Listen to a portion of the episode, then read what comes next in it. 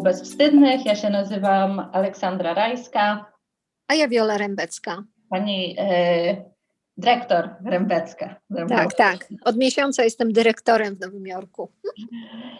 Wiola jest e, panią dyrektor Nowego Jorku. W dzisiejszym odcinku będziemy rozmawiać o tym, jak rozmawiać. Porozmawiamy o tym, czym się różni komunikacja wirtualna od komunikacji twarzą w twarz o tym, dlaczego czasem łatwiej jest nam być agresywnym, kiedy nie widzimy osoby, z którą rozmawiamy. I porozmawiamy również o radach i poradach i o tym, czemu radzenie to nie jest najlepszy sposób na komunikowanie się z innymi. A może nawet e, opowiemy trochę o tym, czemu terapia to wcale nie są rady i porady, mimo że wiele osób na to liczy. Bardzo ładnie powiedziałaś, Ola.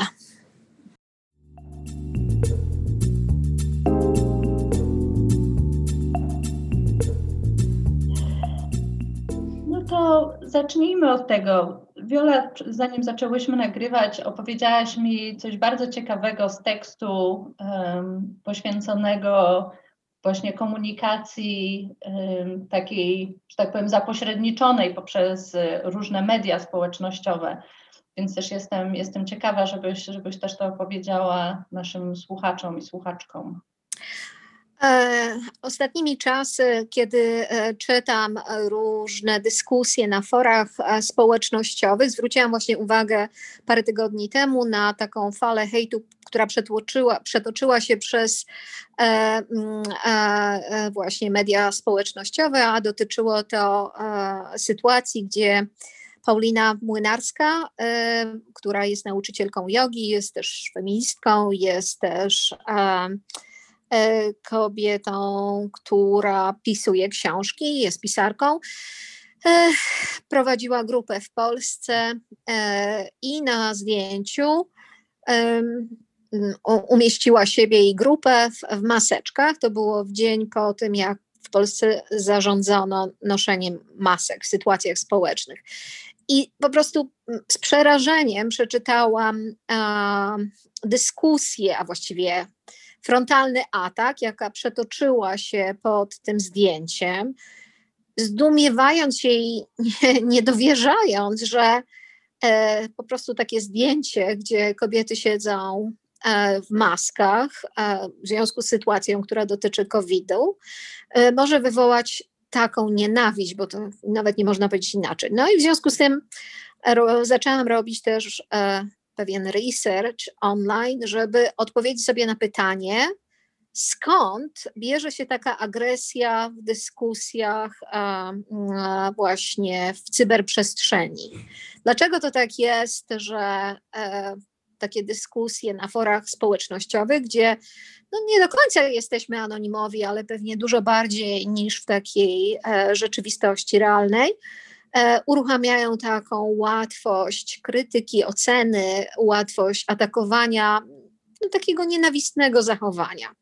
I trafiłam na bardzo ciekawe badania, które przeprowadzono w Social Psychological e, Personality Science Department tutaj w Nowym Jorku. Dwóch naukowców, a dr Prujor i, Andelo w ubiegłym roku zakończyli cykl badań właśnie e, nad tym, jak e, i co determinuje nasze zachowanie w, w, takich sytuacjach mm, e, w cyberprzestrzeni. I doszli do różnych ciekawych wniosków, ale niestety też takich przygnębiających wniosków, że po pierwsze, ponieważ w tej cyberprzestrzeni jesteśmy fizycznie anonimowi, i jesteśmy w interakcji z również anonimowymi odbiorcami, czyli nie ma niewerbalnej, niewerbalnego przekazu, nie jest on nam dostępny. I owszem, nasz niewerbalny przekaz też nie jest dostępny naszemu rozmówcy, bardzo łatwo uruchamia się agresja. Czyli inaczej mówiąc, e, niewerbalne przekazy i komunikacja hamują agresję. To jest jeden z ciekawszych wniosków, jakie wyciągnięto z, e, z tych badań. E, agresja jest obarczona, to jest kolejna rzecz, agresja w kulturze Zachodu jest obarczona, nie tylko, ale akurat to dotyczyło kultury Zachodu, te badania były przeprowadzone, jak wspomniałam, w Nowym Jorku i dotyczą określonych grup.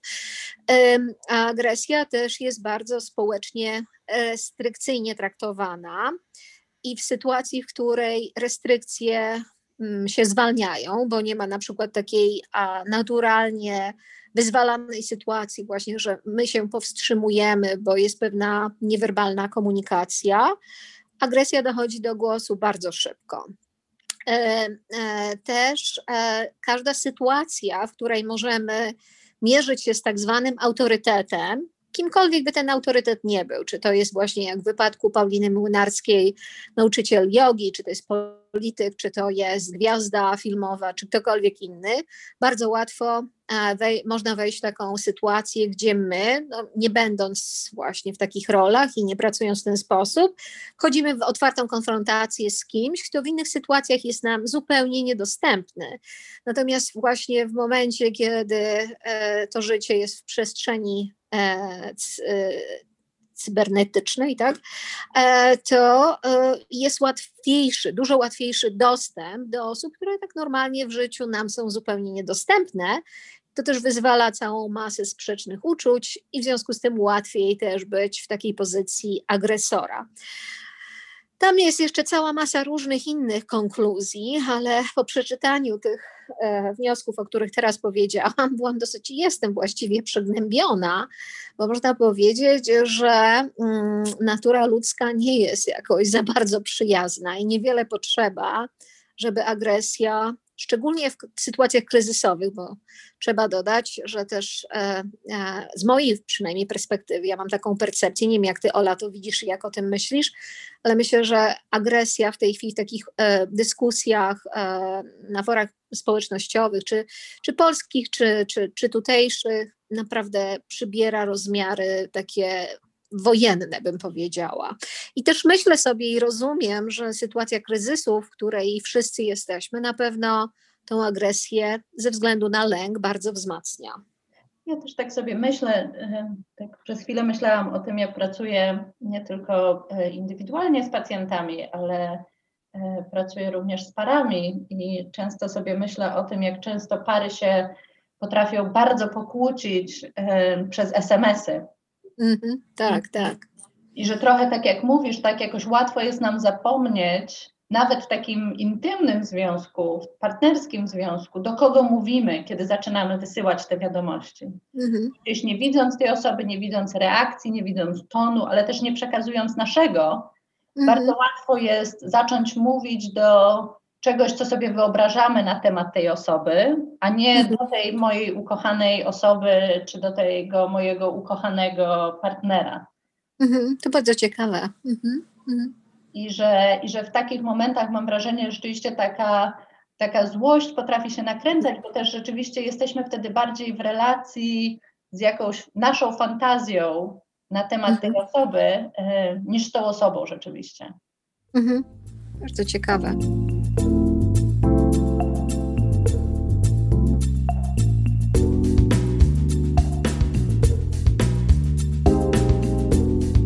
Jeszcze odniosę się do tej sytuacji z Pauliną Młynarską, o której mówiłam. Dyskusja pod zdjęciem, a pełna była agresji, e, nawet bym powiedziała nienawiści wobec e, nauczycielki jogi, ale też oczywiście e, dobrych rad. Paulina, po, po, Paulina Młynarska po, po tym ataku na nią zrobiła nawet takie nagranie, gdzie odniosła się do całej tej sytuacji, mówiąc, że w Polsce e, Mamuniowa, która znana jest z dawania rad, ja rozumiem, że e, wiemy, że mówimy o filmie Race, ma się dobrze czyli to jest pewna taka, można powiedzieć, może nie polska, ale na pewno dobrze znana wszystkim, taka tendencja do tego, żeby radzić. Tak naprawdę to nie chodzi o rola, radę. Słucham? I też taka rola, w którą można tak, wejść. Tak, tak, tak. to nie chodzi o taką dobrą radę z serca, tylko raczej o wejście w pewną pozycję nauczyciela, nauczycielki, albo nauczyciela autorytetu, albo nauczyciela gwiazdy znowu, czyli e, wejście w rolę, w której można poczuć się lepszym. I tak naprawdę chodzi o to, żeby w jakimś sensie pokazać, że samemu się jest lepszym niż ten, kto tam coś robi, czy, czy jest znany, czy cokolwiek, no bo my tak naprawdę, ten ktoś, kto udziela tak zwanych rad, bardzo taki rygorystyczny sposób, bez dopytywania, bez rozumienia kontekstu, bez widzenia sytuacji. Mnie to zawsze zdumiewa, że można wysnuć całą teorię na temat czegoś, kogoś, co kto robi, zupełnie nie zadając jednego pytania. To jest dla mnie naprawdę zawsze fenomen, a w kontekście poradnictwa i mamoniowej to jest dosyć taka znana tendencja, że nie trzeba wcale wiedzy, żeby mieć swoje bezdyskusyjne i jedyne e, zdanie na temat. No właśnie, ja, tak jak żeśmy rozmawiały o przygotowaniu tego odcinka, szukałam różnych artykułów, które mówią o radach i o dawaniu rad. I jest taki tekst, który się ukazał w Medium, napisany przez K.M. Brown, i ona tam pisze o tym, e, tekst się nazywa e, Czemu tak bardzo lubimy udzielać, a nie lubimy słuchać rad. Mhm. Ona tam jakby pisze o tym, tak jakby, że tak naprawdę dając rady, pewien sposób budujemy dystans pomiędzy nami a tą osobą, której tych rad udzielamy. Tak? Z jednej strony, tak jak mówiłaś wcześniej, Wiola, dajemy sobie szansę na to, żeby poczuć się lepiej, bo to nie my mamy ten problem, to my tutaj tylko dajemy rady. Yy, możemy gdzieś postawić się w takim lepszym świetle niż ta druga osoba, i w pewien sposób też e, chronimy sami siebie przed takim poczuciem, ty wcześniej Wiola użyłaś takiego stwierdzenia, że to nie jest od serca, tak, że, mhm. że jeśli, jeśli mamy coś odczuć, jeśli mamy coś poczuć, to, to, to się wiąże też z różnymi emocjami dla nas, a dając rady gdzieś budujemy taki parkal pomiędzy nami a tą mhm. drugą osobą, która się z czymś zmaga, czy jakoś cierpi. Mhm. Ciekawe bardzo. Znaczy, rozumiem, że to chodzi, czy, czy też to dotyczy takiego bycia w tej pozycji takiego bezdyskusyjnego autorytetu, że jest taka tęsknota i pragnienie, żeby być takim, takim absolutnym liderem, który wszystko wie. Co jest ciekawe bardzo, Ola, obie jesteśmy terapeutkami, jest w dużej, można powiedzieć, opozycji do tego, jak się rozumie rozmowę w kontekście terapeutycznym, ale też w ogóle w takim kontekście wymiany z innymi ludźmi i budowania dobrych relacji. Poprzez, poprzez rozmowę, tak? poprzez dyskusję, też nie o łatwych rzeczach czasami, prawda? Bo to jest też tak, że żeby mówić o rzeczach, które są trudne, albo w ogóle rozumieć, czemu na przykład czasami wchodzimy w rolę mamoniowej i dajemy rady, albo jesteśmy agresywni bardziej w tej przestrzeni takiej e, mm, e, e, cybernetycznej, to też trzeba siebie zapytać właściwie, co nas tak na przykład nakręca i uruchamia. Do czego nie zawsze mamy, na co, na co nie zawsze mamy ochotę i do czego nie mamy chęci bardzo często. Ja też tak sobie myślę, że jakby tutaj wspomniałaś o terapii, tak? I, i często mam poczucie, że jak ktoś trafia na terapię, to, to często liczy na to, że dostanie e, od terapeutki garść dobrych rad na temat swojego życia. I często gdzieś jakby takie poznawanie tego, czym jest terapia, też wiąże się z pewnego rodzaju rozczarowaniem, bo w terapii rzeczywiście zwykle tych rad nie ma, albo jest ich bardzo niewiele. Mhm. E, I, I tak naprawdę terapia nie polega wcale na, na radzeniu, co wydaje mhm. się um, często takie paradoksalne. Mhm. No właśnie, bo to jest też e, to, to jest takie e, e, typowe oczekiwanie, jeżeli nie mamy, nawet żyjąc w takiej rzeczywistości, powiedziałabym, w której no, terapia już w tej chwili w świecie zachodnim jest znanym powszechnie sposobem opisywania siebie i rozumienia siebie, czy ten język terapeutyczny, jaki on by tam nie był, z jaką szkołą by nie był połączony, to jest cały czas to takie myślenie, że jak znajdziemy radę, dobrą radę, to nasze życie szybko się odmieni. To takie, powiedziałabym, magiczne myślenie, gdzie e, oparte chyba i wynikające z takich, powiedziałabym, archetypów, że są właśnie jakieś takie magiczne rozwiązania w życiu i jak się tak na przykład taką dobrą radę znajdzie, albo na przykład da się komuś taką dobrą radę, to tak naprawdę no, sama magia się wydarzy. No właśnie, bo to jest y, tak naprawdę pytanie jakby o to, czyich rad my tak naprawdę chcemy słuchać. Tak? Mhm. Że często nam się wydaje, że chcemy wysłuchać porady eksperta, często nam się wydaje, że chcemy wysłuchać porady od przyjaciółki lub przyjaciela, czy partnera lub partnerki, podczas gdy tak naprawdę większość z nas y, ufa swoim własnym radom. I no tak. ufa, ufa temu, y, co już gdzieś tam w nas siedzi, ufamy temu, do czego gdzieś tam już mamy przekonanie, albo gdzieś czujemy, E, w jaki sposób e, chcemy postąpić e, i że tak naprawdę to jakby sami sobie możemy najlepiej radzić, bardziej niż ktokolwiek inny może nam doradzić. Mm-hmm, mm-hmm. Myślę, że w ogóle to poradnictwo, to powiedziałabym, to już jest taki mm, e, przeżytek, powiedziałabym, dlatego że e, to jest takie upraszczanie i spłaszczanie rzeczywistości. Na przykład zdarzało mi się parokrotnie odmawiać e, odpowiedzi e, na zapytania dziennikarzy, którzy mówili, no dobrze, no to pani Wiolu, to my piszemy tutaj jakiś tekst, nie wiem, tam o zdradzie. To może pani powie trzy rady, jak, ale tak króciutko, e, jak żyć po zdradzie albo trzy rady, jak zbudować dobry związek, albo trzy rady, jak wychować szczęśliwe dziecko. No i co, nie masz? Czy nie chcesz się podzielić po prostu? No niestety nie mam, nie mam.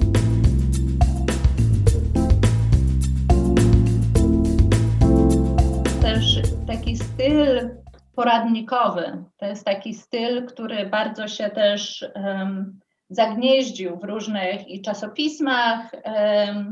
I ja też sama widzę, że czasem jak szukam różnych artykułów, to one też są zorganizowane w tam, nie wiem, 10 punktów właśnie na szczęśliwy związek, 11 punktów, jak odnaleźć samą siebie, to tak, to, to już takie bardziej ola zaawansowane, bo to wiesz, 11 to już tak, że tak powiem, trzeba się namęczyć.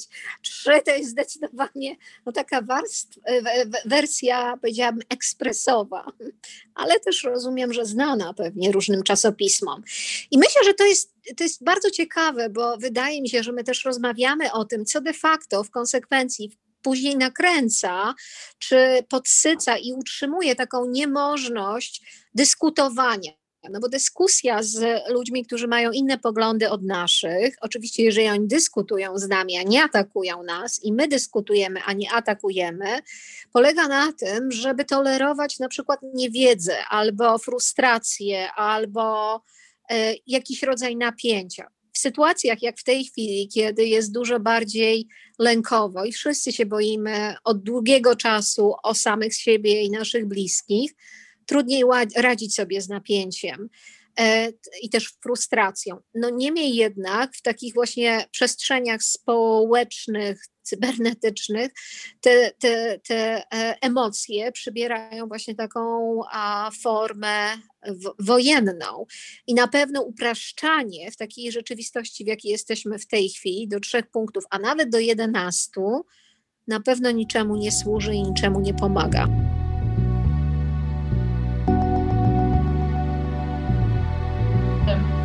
Co w takim razie jest dobrym sposobem na rozmawianie o rzeczach trudnych, w jaki sposób tak naprawdę, jeśli chcemy komuś poradzić, to co możemy zrobić y, w zamian. I znowu y, tutaj tak trochę też się będę posiłkować nie tylko swoją własną wiedzą, ale też różnymi artykułami, na które napotkałam. Y, Seltzer, Leon Seltzer w swoim artykule w Psychology Today mówi o tym, żeby gdzieś zanim damy radę komuś, zdać sobie sprawę z tego, że tą radę dajemy bardziej sami dla siebie niż dla tej mhm. drugiej osoby. I mhm. żeby w tym momencie pomyśleć, czego ta druga osoba może potrzebować lub chcieć od nas.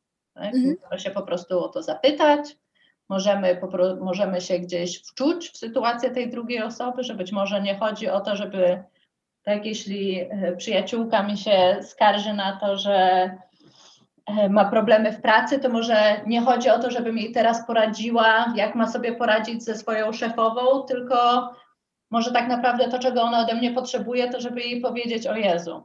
No to rzeczywiście brzmi strasznie ciężko. Strasznie mi przykro, że masz taką zołzę za szefową. Mhm. I że tak naprawdę często ludzie, którzy e, albo pytają nas o radę, albo kiedy my czujemy taki impuls, że chcemy komuś doradzić, to nie zawsze koniec końców to jest to, czego, to może być to, czego my potrzebujemy, żeby, żeby jakoś poczuć się lepiej sami ze sobą, ale może to nie być wcale to, czego ta osoba potrzebuje. Mhm. Ja, e, ja mam e, takie zdanie w głowie, czasami się z tym rozłączam i zapominam, ale kiedyś tam, ileś lat temu, przeczytałam takie, takie krótkie zdanie, że listening is loving, czyli że słuchanie jest miłością. E, może brzmi to tak a, a, trochę zabawnie albo tak no, E, e, zbyt słodko, ale ja naprawdę wierzę, że słuchanie jest właściwie takim pierwszym krokiem do, do dobrej rozmowy i rozumienia kogokolwiek, czy to dotyczy terapii, czy, czy to dotyczy e, życia, czy to dotyczy jakichkolwiek innych interakcji z, z ludźmi. No właściwie jest to, co ty, Ola, też powiedziałaś, czyli że trzeba wsłuchać się w to, co ten ktoś chce o czym mówi, czym się z nami dzieli, co nam przekazuje, bez wchodzenia w takie fantazmaty na temat tej osoby, nawet najbardziej e, fenomenalne czy atrakcyjne, bo to wtedy nie służy, nie służy rozumieniu i słuchaniu i przede wszystkim rozumieniu. I też wcześniej o tym wspominałyśmy i ty, ty też mówiłaś o tym, tak, że czasem dajemy rady, a brakuje nam kontekstu i może taką, też tak sobie myślę, mówimy o tym, jak nie radzić i radzimy o tym, jak nie radzić, ale... No tak, no, trochę tak, tak. Ale że kolejną taką, um, jakoś taką bardzo bazową formą komunikacji, tak, jest to, żeby zadawać pytania i mhm. że kiedy rozmawiamy szczególnie o czymś, co jest trudne, co jest niejasne, gdzie my też nie jesteśmy do końca pewni, tak, jaki jest kontekst, w którym dana osoba podjęła taką, a nie inną decyzję, że tak naprawdę wracanie do pytań i do takiej ciekawości e, jest czymś, co potrafi budować komunikację i budować bliskość bardziej niż budować te e, parkany pomiędzy nami a osobą, którym staramy się doradzić. Dla mnie to jest ważne, że o tym teraz rozmawiamy, Ola, też w takim czasie bardzo kryzysowym. W Polsce przetacza się, nie wiem, pierwsza, druga fala COVID-a i e, lęk e, szybuje pod niebiosy. Myślę, że to też bardzo przekłada się na sposób komunikowania się między sobą, e, między nami, ale też właśnie w tej przestrzeni e, e, wirtualnej i bardzo bym chciała w jakimś sensie wesprzeć e, tych, którzy zmagają się teraz z kryzysem, z tym, co się e, dzieje w Polsce, w taki najbardziej, mm, no, taki najbardziej od serca sposób, czyli słuchać tego, co ludzie mówią, słuchać, no bo tyle tylko mogę robić, ale też e, mm, zachęcać do tego, żeby siebie wzajemnie słuchać. I, I, też ja tak sobie pomyślałam, i tutaj znowu um, to nie jest jakiś mój oryginalny pomysł, to z kolei jest tego um, artykułu Brown z Medium. Ona tam pisze o tym, że jeśli już naprawdę chcemy dać komuś jakąś radę czy poradę, e, to lepiej opowiedzieć swoją historię lub opowiedzieć opowieść o sobie, niż mhm. dawać radę. Bo często nasze rady wynikają z tego, że ja zrobiłam tak i tak, dlatego uważam, że dla ciebie też będzie dobrze, jeśli tak zrobisz, tak? Mhm. Ja nakrzyczałam na swoją złą szefową, dlatego ty też powinnaś na nią nakrzyczeć, tak? Dokładnie. Mhm. Że czasem tak naprawdę opowiedzenie swojej historii daje nam znowu tak jakby pole do tego, żeby się podzielić czymś własnym, a nie do końca jakby wchodzić w czyjś e, ogródek z radami, tak? Mhm. Powiedzieć, dlaczego dlaczego ja nakrzyczałam na swoją szefową, albo dlaczego ja nie chodzę w masce, albo chodzę, ale wracając do naszego pierwszego przykładu, że to tak naprawdę gdzieś może pomagać w budowaniu dialogu bardziej niż rady. Dokładnie. Czyli właściwie można powiedzieć, że ten odcinek e, dzisiejszy jest o tym, jak nie być mamoniową. I, I w pewien sposób pokazujemy, pokazujemy, będąc dwiema mamoniowymi, jak nie być mamoniową. tak, to jest przewrotność tego odcinka. Bardzo dziękujemy za wysłuchanie. Na wszystkie Wasze rady e, czekamy e, pod naszym Instagramem, na naszym Facebooku, na naszym mailu. Przesyłajcie nam wszystkie swoje rady co do tego, jak Wy uważacie, że powinnyśmy prowadzić podcast.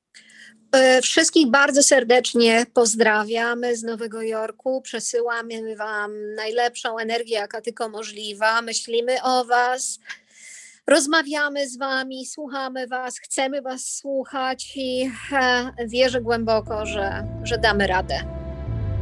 Do usłyszenia w kolejnym odcinku. Pozdrawiamy.